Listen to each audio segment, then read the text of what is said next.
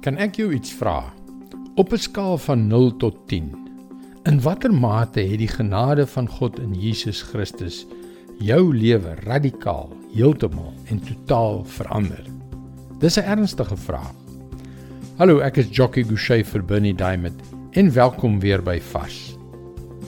As jy 'n mens is wat werklik in Jesus glo en verstaan dat om Jesus te volg net soos hy beloof het, beslis opoffering en lyding sal behels.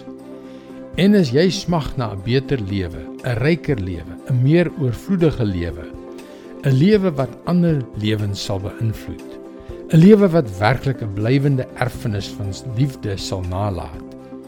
As jy hierdie mens is en God se genade jou lewe nie heeltemal verander het nie, dan is iets ernstig verkeerd. Iets ernstig. Efesiërs 1:3 tot 8. Aan God die Vader van ons Here Jesus Christus kom al die lof toe.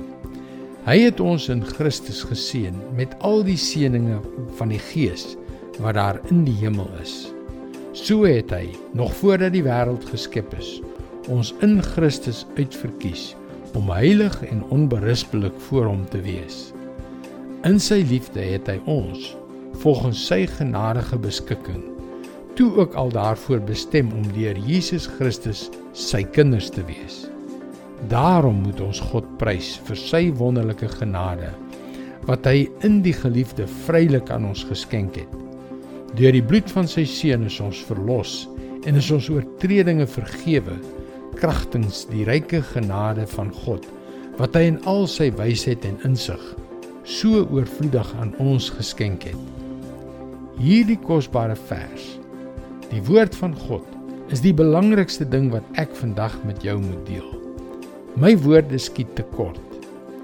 Laat God se woord diep in jou hart insink.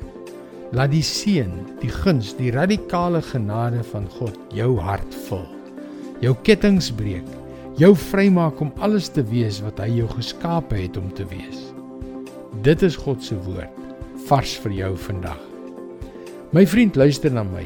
Hoe meer jy hierdie begrip van die genade wat God aan jou bewys het in jou hart oordink, hoe meer sal hy jou lewe verander.